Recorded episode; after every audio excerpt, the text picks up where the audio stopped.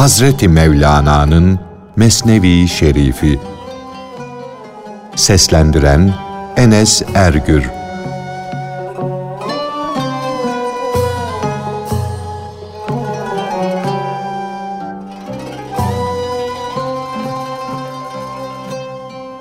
Canından vazgeçen aşığın sevgilisine kavuşması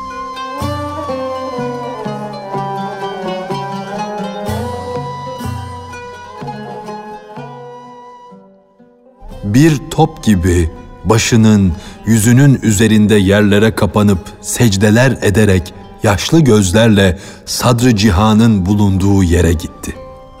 Herkes sadrı cihan bunu yakacak mı yoksa asacak mı diye başları yukarıda bekliyordu.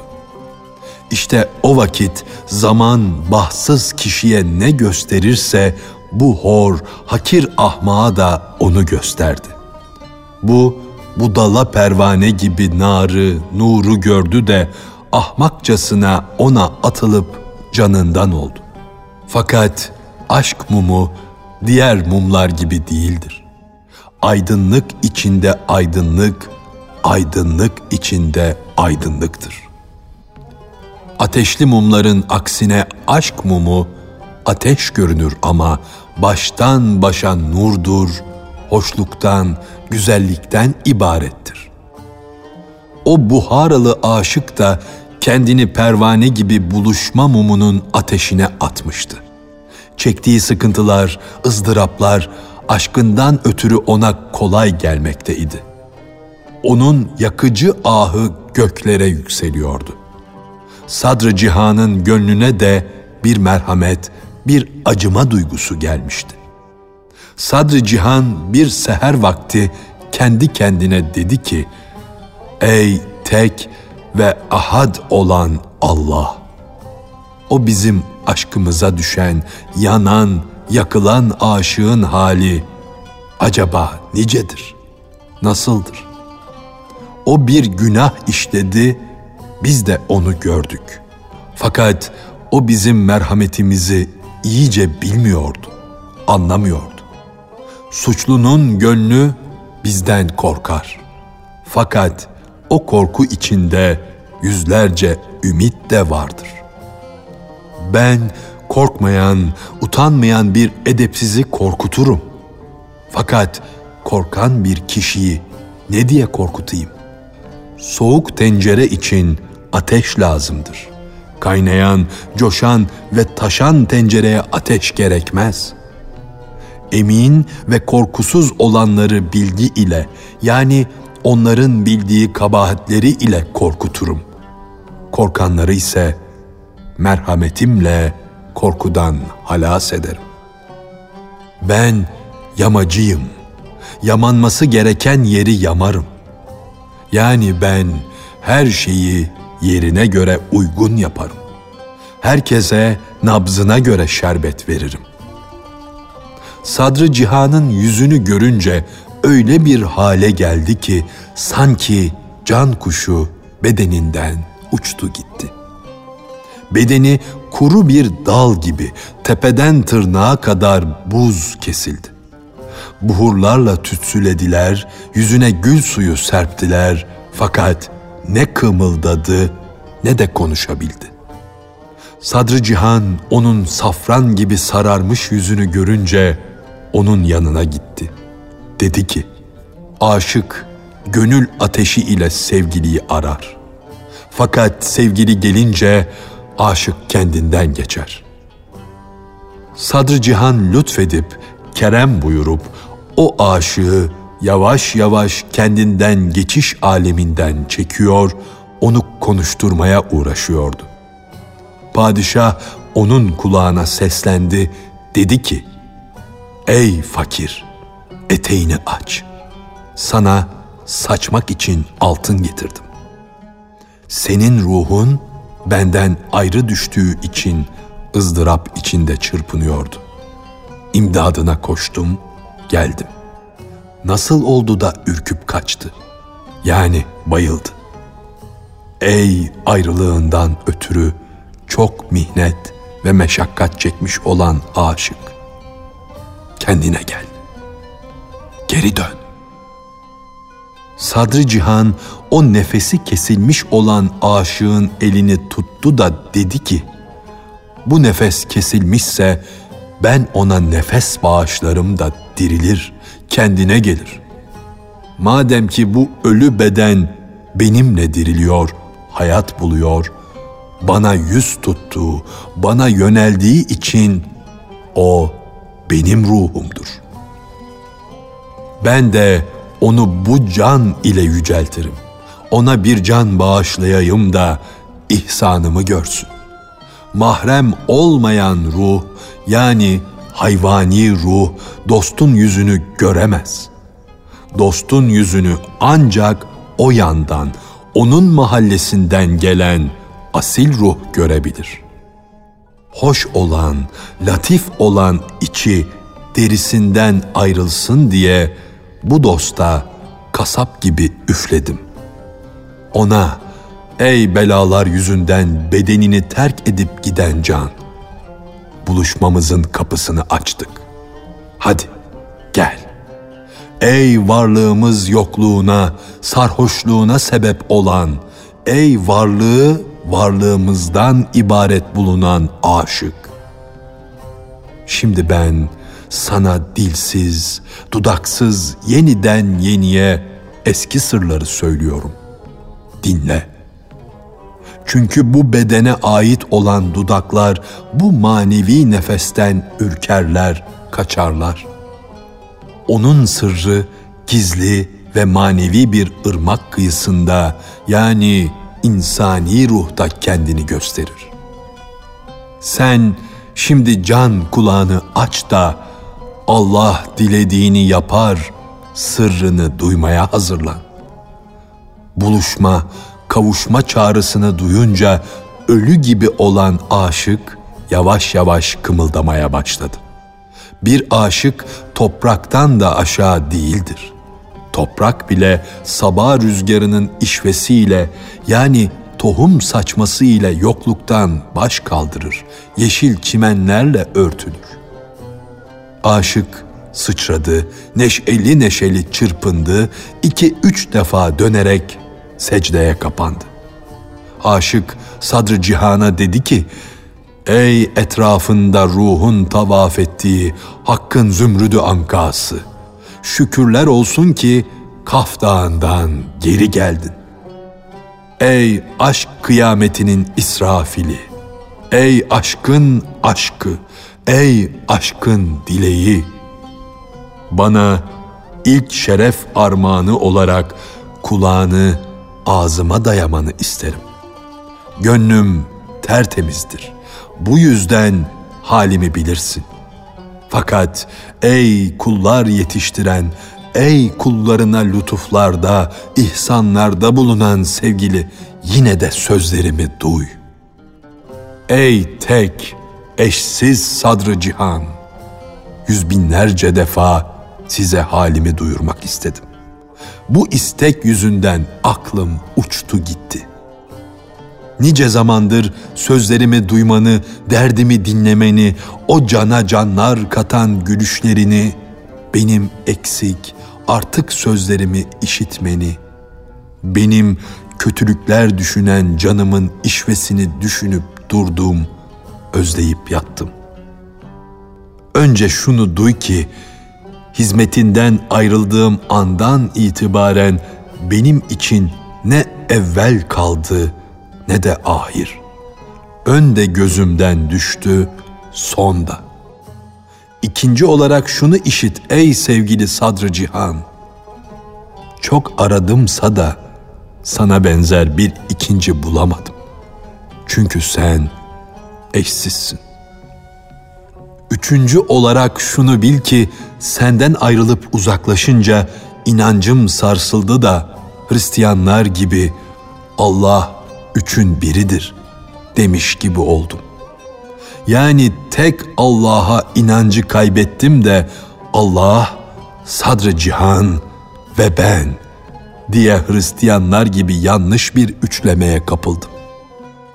Dördüncüsü, bizim varlık tarlası ayrılık ateşiyle yanalıdan beri dört unsurdan, beş duygudan kurtuldum ve sadrı cihandan başka bir şey bilemez oldum. Her nerede yeryüzünde toprak üstünde kan görürsen hiç şüphe etme ki o kanlar bizim gözümüzden akmıştır. Benim sözlerim ve feryadım sanki gök gürültüsüdür. Bu sesler ve iniltiler yeryüzüne bulutlardan yağmur yağdırmasını yani gözyaşımın dökülmesini istiyor. Ben söylemekle ağlamak arasında çırpınmadayım. Ya ağlayayım ya söyleyeyim. Nasıl edeyim, ne yapayım bilmem ki. Eğer söyleyecek olsam ağlayamam.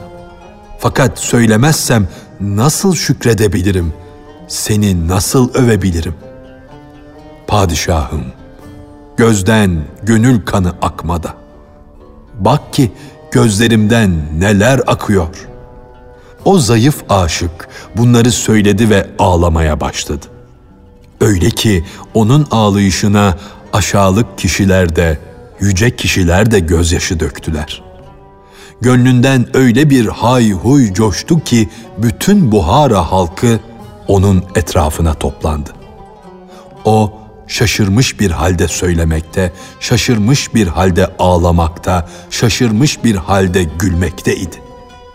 Erkek kadın, büyük küçük herkes de bu hale şaşırmış kalmıştı. Şehir halkı da onun gibi ağlamaya başlamış, kıyamet günü gibi erkek kadın birbirine karışmıştı. Yeryüzü, gökyüzüne eğer kıyameti görmedin ise işte gör diyordu. Akıl da şaşırmış kalmış da bu nasıl aşk, bu ne hal? Acaba onun ayrılığına mı daha fazla şaşmalı, buluşup kavuşmasına mı diyordu.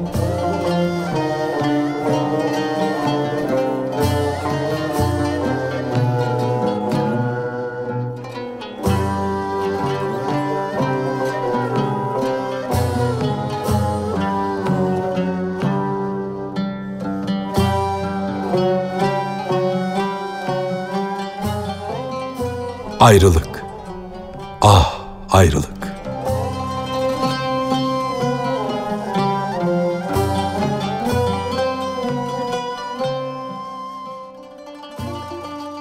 Bu topraklar sudan ayrılınca çoraklaşır. Irmaklardan, derelerden ayrı kalan, uzak düşen sular da sararır, kokar, bulanır, kapkara olur hayat veren, cana can katan rüzgar dostlardan ayrılıp kapalı bir yerde kalırsa kokar veya kesilir. Ateş ocağından ayrılırsa söner, kül haline gelir, savrulur gider. Cennet gibi yemyeşil olan bağlar, bahçeler sulardan ayrı düşünce sararır, solar, yaprakları kurur, dökülür, bir hastalık yurdu olur. Her şeyi anlayan, idrak eden akıl bile dostların ayrılığı ile yayı kırılmış okçu gibi şaşırır kalır. Cehennem bile ayrılık yüzünden gençlik çağına hasret çeken ihtiyarın titrediği gibi titrer, yandığı gibi yanar, kavrulur kıvılcım gibi çakıp yakan, yakıp yandıran ayrılığı kıyamete kadar anlatsam, onun dehşet ve şiddetinden ancak yüz binde birini anlatabilirim. Öyleyse onun yakıcılığını anlatmaya kalkışma. Ya Rabbi, beni ayrılıktan sen kurtar, sen kurtar diye dua et. Bu kadar yetişir.'' Dünyada ne ile neşeleniyor, seviniyorsan, o neşelendiğin zaman ondan ayrılığı bir düşün bakalım. Senin sevindiğin şeylere senden evvel gelen birçok kişiler sevindiler. Sonunda o şey ellerinden çıktı. Rüzgar gibi geçip gitti. O şey senin elinden de çıkar. Ona gönül verme o senden kaçmadan önce sen ondan kaç.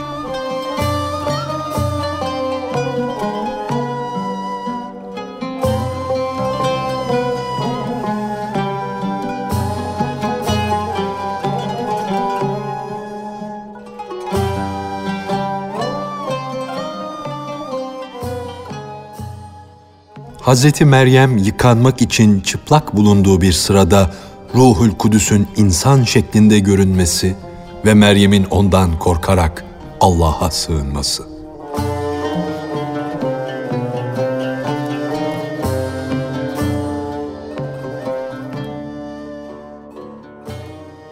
Hazreti Meryem cana canlar katan pek güzel birisini gördü. Çıplaktı, yapayalnızdı. Gördüğü de pek güzeldi. Gönüller kapan biriydi. Ruhul Emin Cebrail Meryem'in karşısında yerden biter gibi belirmişti. Ay gibi, güneş gibi doğu vermişti. Doğudan güneş doğarken yerden nikapsız, örtüsüz bir güzel belirmişti. Meryem çıplak bulunduğu için kötülükten korktu. Bütün vücudu titremeye başladı. Gördüğü kişi öyle bir güzeldi ki eğer Yusuf aleyhisselam onu görmüş olsaydı kendisini görüp de şaşkınlıkla ellerini kesen kadınlar gibi o da hayranlıktan elini keserdi. Cebrail aleyhisselam gül gibi yerden bitmiş, karşısına dikilmişti. Gönülden baş gösteren hayal gibi belirmişti. Hz. Meryem kendinden geçti, kendinde olmadığı halde Allah'a sığınayım dedi. O tertemiz kadının adeti idi. Bir şeyden aciz kalınca, ürkünce, korkunca hep Allah'a sığınırdı. Dünyanın gelip geçici bir alem olduğunu görmüş, ihtiyata uyarak Allah'a sığınmayı adet edinmişti. Böylece o Allah'a sığınmanın ölünceye kadar kendisine bir kale olmasını sağlamıştı.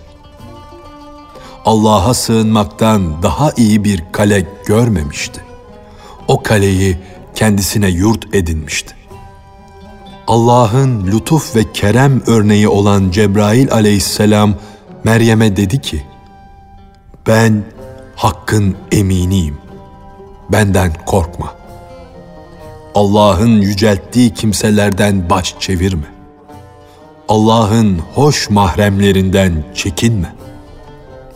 Cebrail hem bu sözleri söylüyor hem de söylerken dudaklarından çıkan tertemiz nurlar göklere yükseliyordu.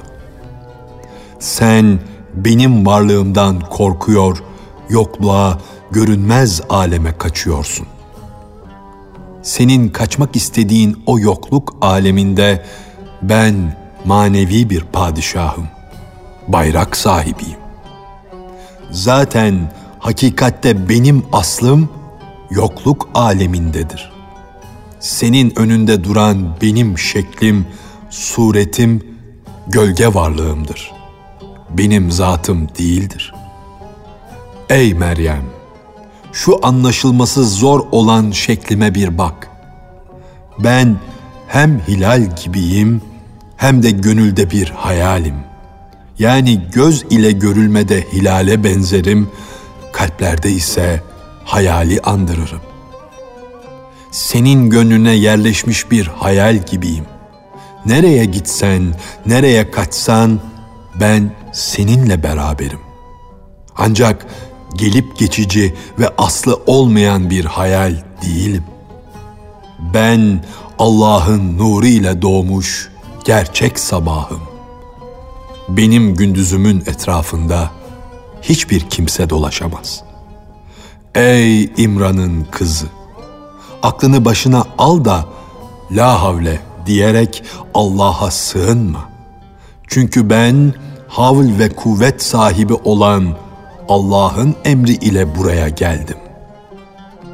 Hakikatte benim asıl gıdam la havledir.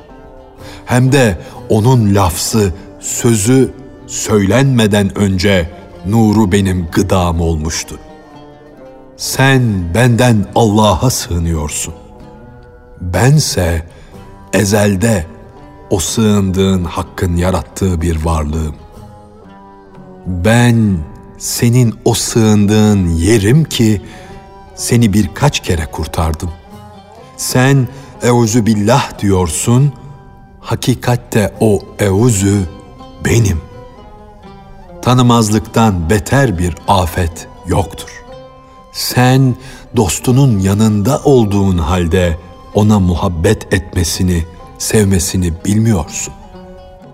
Sen dostu yabancı sanıyorsun. Sevince neşeye de gam adını takıyorsun.